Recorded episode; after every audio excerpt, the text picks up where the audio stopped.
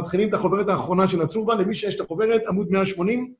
אני רוצה היום uh, לעסוק, בזה, זה, בזה אנחנו פותחים את הצורבה, ובזה אנחנו מסיימים. חובת קביעת עיתים לתורה, א', על עצם חובת קביעת עיתים לתורה. דבר נוסף, מה צריכים ללמוד שכבר קובעים עיתים לתורה.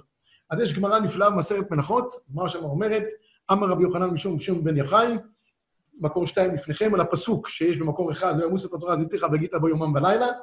אומר, אומרת הגמרא, אפילו לא קרא אדם אלא קריאת שמע של חרית וערבית, קיים לא ימוש. אז לפי רבי, יוחנן משום משום בר יוחאי, אדם קרא קריאת שמע של חרית וערבית, קיים כבר לא ימוש. מה שם אומרת, בהמשך, אמר רבא, ודבר זה אסור לאומרו לפני עם הארץ.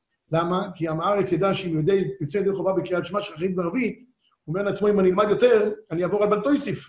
עמי הארצות מאוד חוששים לא לעבור על לאווין, ממילא הם, הם, אסור להגיד את זה למערכת. הגמרא אומרת, אדרבה, מצווה לא אומרו לפני עם הארץ.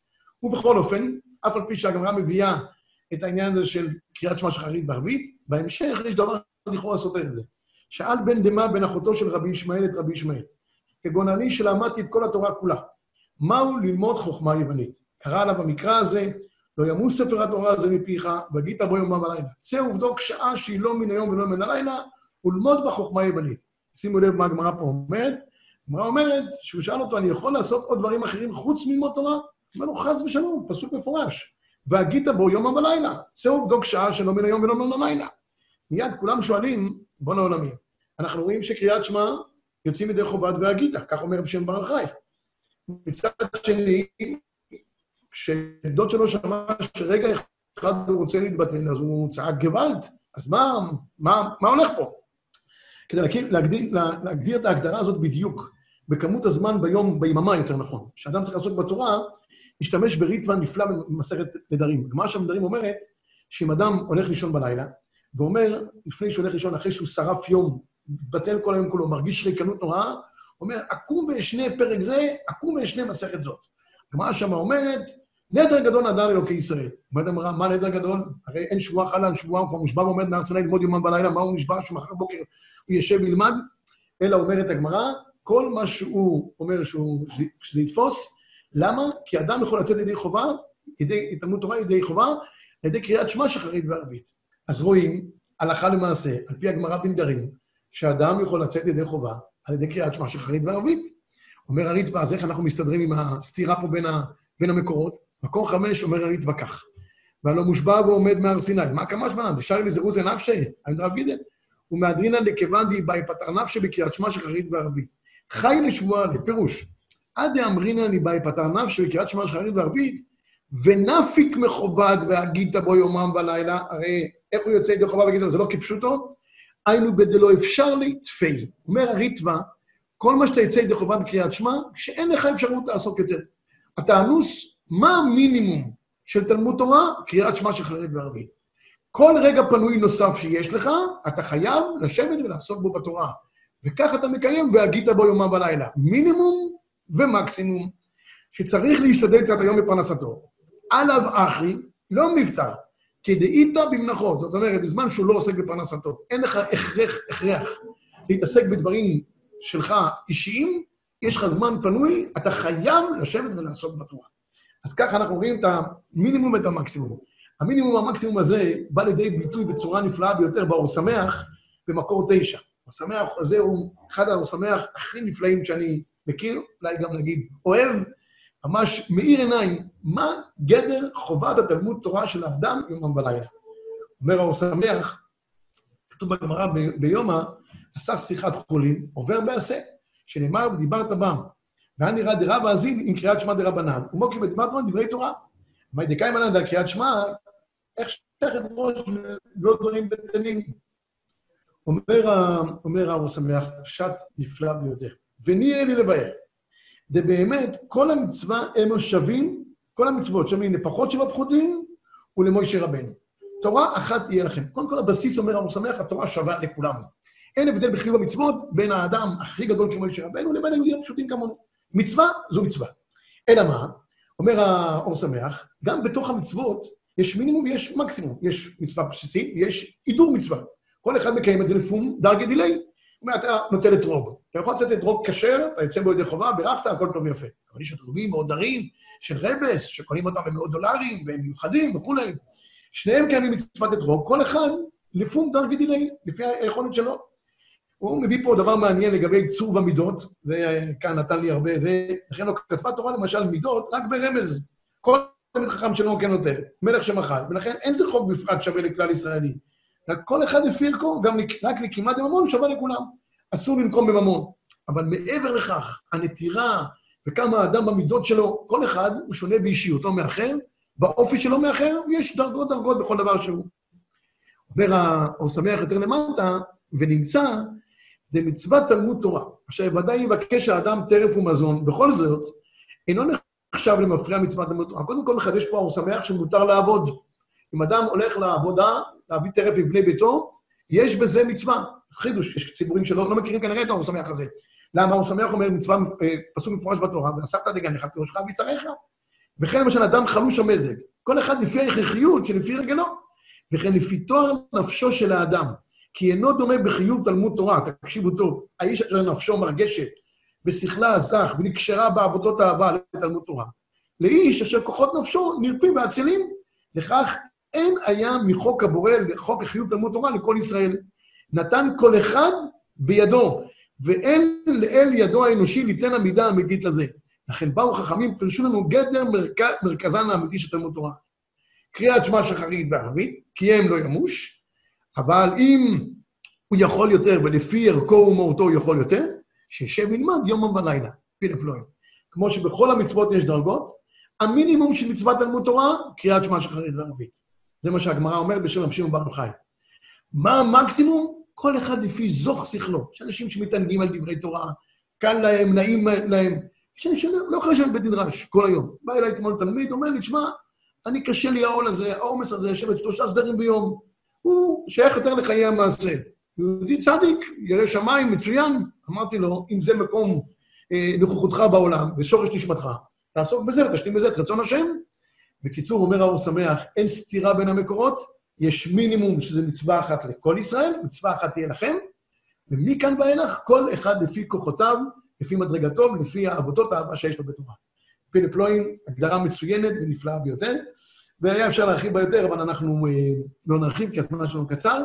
יש כן נקודה אחת חשובה בתלמוד תורה, כל אדם מחויב בתלמוד תורה ביום ובלילה, אבל הגמרא, מסכת שבת מגדירה את זה, זה לא סתם חובת תלמוד תורה, אני צריך ללמוד שכוייך. צריך לקבוע עיתים לתורה. צריך זמנים מסוימים. אדם שיושב בישיבה ולומד כל היום, זה, זה עיתותיו, זה זמנו. אבל אדם שקובע עיתים לתורה כי הוא עובד בפרנסתו ואספת דגניך, הוא חייב שזמנם באופן עקרוני יהיו קבועים. יש לך שיעור צורמה קבוע יום חמישי צפחת תמה, קבוע. יש לך דף היומי קבוע. צורמה במשך השבוע קבוע.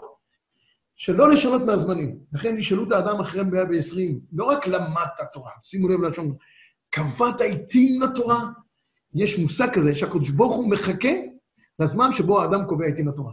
ואם האדם באותו זמן לא יושב ולא לומד, אז כמו שהקדוש ברוך הוא מחפש אותו בבתי כנסיות, מדוע באתי ואין איש קראתי ואין עונה, הוא גם מחכה לתורה הפרטית של האדם. רש"י מגדיר במקור 11, מה זה המושג קבעת עיתים לתורה? לפי שהאדם צריך להתעסק בדרך ארץ, צריך פרנסה. שאם אין דרך ארץ, אין תורה. הוא צריך לקבוע עיתים לתורה, שימו לב, דבר קצוב. יש לו זמן קצוב ומוגדר, שלא יימשך כל היום לדרך ארץ. אתה לא יכול כל הזמן בדרך ארץ, אתה חייב לקבוע לך זמנים ברורים מדי יום ביומו לתלמוד תורה. מתי? הרמב"ם כותב מקור 12, בשורה השלישית, וחייב לקבוע לו זמן תלמוד תורה ביום ובלילה, שאומר בגיתא בו ימר. הרבה אנשים לומדים דף היומי, למשל, הבוקר. כל הכבוד להם. לומדים בבוקר. אבל בערב כבר לא לומדים תורה. אין דבר כזה, רבי ישראל. אדם חייב לקבוע לו זמנים בתלמוד תורה, ביום ובלילה. הרבה אומרים שמצוות תלמוד תורה בלילה היא יקרה לאין ארוך מהיום, כן? חוט של חסד משוך עליו ביום, שנאמר קום מרום מני בלילה, אבל זה לא משנה. אדם חייב בכל מקרה לקבוע לו זמנים, ביום ובלילה. ילמד דף היומי פעם אחת ביום, יחזור עליו בלילה. ביום דף היומי, בלילה צורבה. אבל את שני הדברים הוא חייב לקבוע לו זמנים ביום ובלילה. עד כדי כך, שהגמרא מביאה בעירובין מקור 13, רב אחא בר יעקב, יזיב ביממה ופרה בלילה. רב אחא בר יעקב, אם הוא לא יכל ללמוד ביום, היה לו עסוק, היה לו איזה עסק באותו יום, היה לו שוק קלוני, לא יכל ללמוד את הדברים הקבועים שלו, הוא היה כביכול לווה את הזמן ביום, ופורע את הזמן בלילה. יש לך שיעור פרטי עם מישהו, לא הצלחת ללמוד איתו באופן פרטי ביום, אתה משלים את זה בלילה, אותו דבר תלמוד תורה. רש"י כותב, יזיב פרה, היה קובע לו לשנות כך וכך פרקים ביום, היה לו דברים קצובים, דף היומי, רמב"ם יומי, אה? היה רגיל לעסוק ביום, ופעמים שהיה טרוד במזונותיו ביום, הוא פורע קביעות איתו בלילה. יש מושג של הלוואה ופירעון בתלמוד תורה. מצוין. כך גם כותב בשולחן ערוך, שאדם בבוקר שיצא מבית הכנסת ילך לבית המדרש, ויקבע עת לתלמוד תורה, וכותב במשנה ברורה בסעיף קטן ב' ויקבע, איתה בגמרא, שמכניסים את האדם לדין, שואלים אותו, קבעת איתי עם התורה? וטוב שיקבע עת מיד אחר התפילה, משום ילכו מחיל אל חיל. וגם ילך מקודם לעסקיו, חיישינן שם יימשך ויתבטל בקביעותו. אדם, קודם כל, לפני שהוא מתחיל את היום, תלמוד תורה. אני בכלל מציע, אדם קם בבוקר, אם הוא יכול לפני שהוא מתחיל את היום שלו, יעסוק בתורה. אדם אה, נכנס לשבס, ייכנס עם תלמוד תורה. יוצא משבת, לפני שעושים משהו, אני נוהג אחרי ההבדלה, לא עושה שום דבר, גם כשאני צריך לעזור לאשתי וכולי, קודם כל אני יושב ולומד כמה דקות. להתחיל את השבוע בתלמוד תורה. תמיד לקשור את הקודש והחול, את היום ואת הלילה בתלמוד תורה. אז אתה מתחיל את היום שלו בתורה, כל היום נראה אחרת. אתה מתחיל את הלילה בתלמוד תורה, כל הלילה נראה אחרת. אתה משרה השראה, מה שאדם מתחיל זה נותן השראה לכל העניין.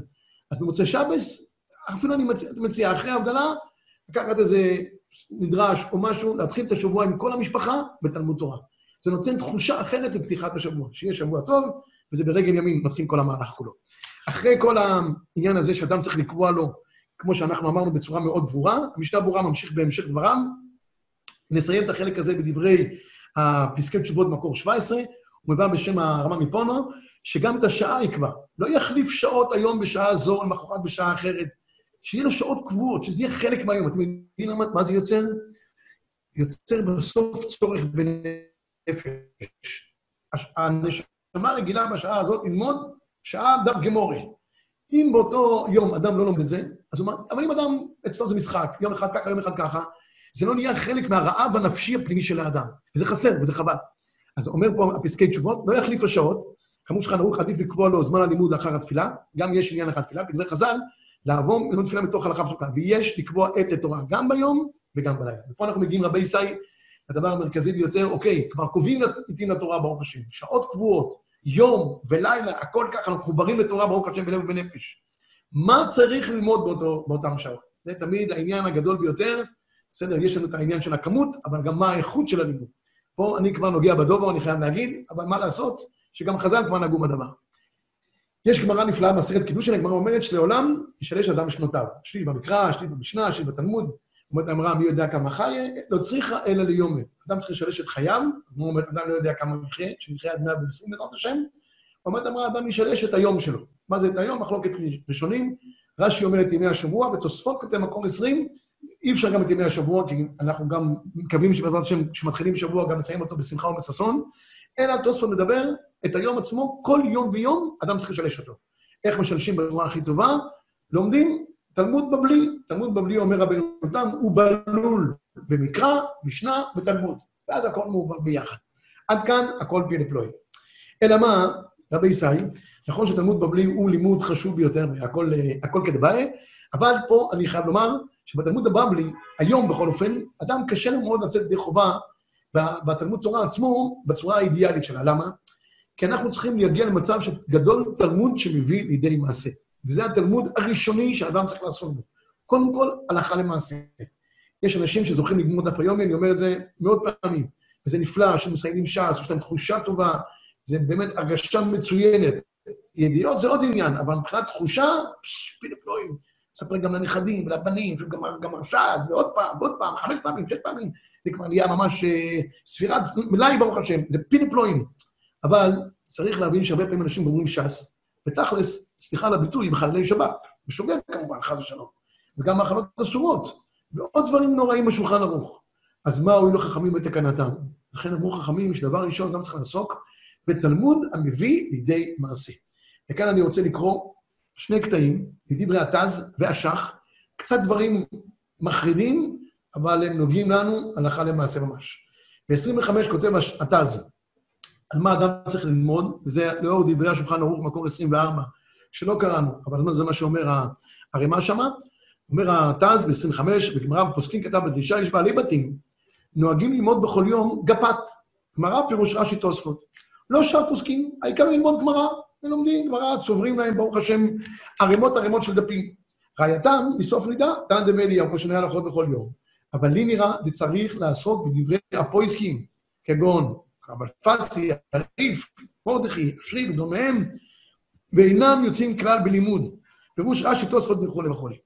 וכותב השח בשורה שלישית, דבר יותר מזעזע, הוא, מח, הוא מחריף את דברי התז. הוא אומר, אבל לי נראה שיש ללמוד דברי הפוסקים דיני התורה, כמו הריף והראש והמרדכי ודומה. זהו שורש ועיקר לתורתנו. תקשיב למשפט הבא, משפט חריף, לא אני כתבתי, השח. ואינם יוצאים כלל בלימוד גפת. מי שלומד רק גפת ולא יודע שולחן ערוך הלכה למעשה, סליחה על הביטוי, לא יוצא ידי חובת תלמוד תורה. כל הכבוד על ההשקעה היומית, יום ובלילה, קובע עיתים לתורה, אבל אומר השח, אם התוכן של הלימוד שלך הוא לא נכון, אתה לא יוצא ידי חובת תלמוד תורה. דברים מפורשים. דה ואליהו, וכתב רש"י, השונה הלכות פירוש הלכות פסוקות, לדעת את אשר יעשו. מה שאמר רבנו תם, אה, שהוא בלול, מה שכתוב רבנו תם, לעולם ישלש אדם משנותיו, והכוונה היא תלמוד בבלי שהוא בלול, זה הולך על הלימוד תשע שעות ביום. וכיוון שיש לו פנאי גדול, ללמוד בש"ס, מי שיש לו הרבה זמן, הוא אברך בכוילל, ש"ס, וירחיב, ולומדס, ופלפולים, ויעלה פיל בקופת המחתק, הכל מצוין. אבל מי שיש לו זמן קצוב ללמוד, הלוך אלה מייסה, זה מה שצריך ללמוד באמת.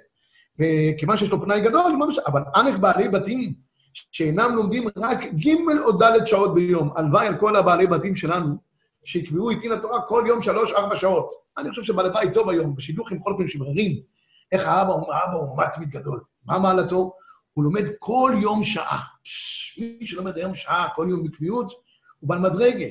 אז מי שלומד שלוש-ארבע שעות לפי השח צריך לעסוק בהלכה למעשה. מי שלומד שעה ביום רבי ישראל, לא פשוט הדבר הזה. לכן נראה לי פשוט וברור הדבר הזה, שזה הלימוד העיקרי שצריך ללמוד. כך גם כתוב באלקוט יוסף ב-27, בעלי בתים שאינם לומדים בכל יום אלא ג' או ארבע שעות בלבד, ילמדו הלכות מספרי הפויסקים, שמפיהם אנחנו חיים, אינם יוצאים לחובה בלימוד המשנה בגמרא בלבד, שאינם לומדים הלכה מפי התלמוד, וילמדו ההלכות בתלמיד חכם מובהק, בקיא בהלכות, ראוי נכון ללמוד בפקידה בפקידה, ספרים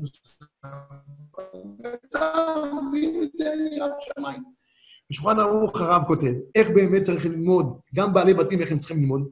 אז תגידו לי, אדם כזה, מאחר שלא יכול ללמוד דברי תורה הרבה מאוד, צריך שיהיה כל לימודו בלימוד המביא לידי מעשה. שהם הלכות הצריכות לכל אדם, נדע אותם, לקיים המצוות כהלכתם ולהיזהר ולהיכשל באיסורים חס ושולם. ואין דברים שאי אפשר להישאל תמיד לחכם המורה שבעיר. ושלא יודע להישאל, להסתפק כלל, אם ילמדם תחילה. מה צריך ללמוד? שימו לב טוב. מתכונת אור החיים. זה הראה לי מרן הרב אליהו, זכר צדיק לברכה, שהתחלתי את הצור ואמרתי לו, הרב, מה הנושאים שנעבוד עליהם? ואני קודם כל שב. שב. פתח שולחן ערוך הרב, אומר לי, בוא תראה מה כתוב. רוב אור החיים, כמעט כולו, מיעוט יורדיה, מעט אבן העזר, חושן משפט. אבל ללמוד את ארבעת חלקי השולחן ערוך. אני חייב לספר לכם משהו. קשה לה עכשיו יהודי בדרך לישיבה. יהודי שלומד את הצורבה מדי שבוע. מתרגש שהוא גמר את הצורבה, את, את המחזור. הוא אומר לי, אני חייב להגיד לך, אני מדמעות בעיניים. אני חייב להגיד, עד שלא הגיע הצורבה, מעולם לא פתחתי שולחן ערוך חושן משפט. בטח לא את כל הפויסקים. הוא אומר, איך, איך, איך, איך זכיתי? הוא אומר, ללמוד פתאום שולחן ערוך חושן משפט, אבן העזר? לא יודעים, הוא אומר, זה אצלי בספרייה, זה טפט מצוין, מאוד מפאר את הספרייה, השולחן ערוך. אבל לא היה לי בזה שום עניין. פתאום אני פותח, ואני לומד הלכות שכירות יום, הלכות הונאת דברים והונאת ממון. היהודי היה. אני חייב לספר לכם עוד סיפור. אתמול אני חוזר הביתה מהישיבה. התקשר אליי הרב פיינה מחולון, בגידשור צובה רואה רוחני בחולון. הוא אומר, אני כל שיעור של הצובה מתרגש מחדש. אמרתי לו, הרב, מה ההתרגשות? הוא אומר, תשמע, יש שני סוגי בעלי בתים. יש בעלי בת מדרבנן, ויש מדאורייתא. מה זה מדרבנן?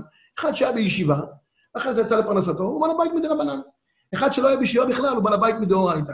הוא אומר, אצלי רוב הציפורים בעלי בתים מדאורייתא. אבל יושבים ולומדים הלכה, הוא אומר, מסכמים, ולומדים, ושואלים, יפתחו להם העיניים. הוא אומר, לא יאומן, איך אפשר לעשות דבר כזה? אפשר להאמין שאנשים שעובדים לפרנסתם יכולים לפתוח שולחן ערוך, כל כך הרבה מושגים וידיעות התורה הלכה למעשה? לי, אני כל שיעור דמעות בעיניים. ואני חייב להגיד לכם באופן אישי, אני באמת דמעות בעיניים.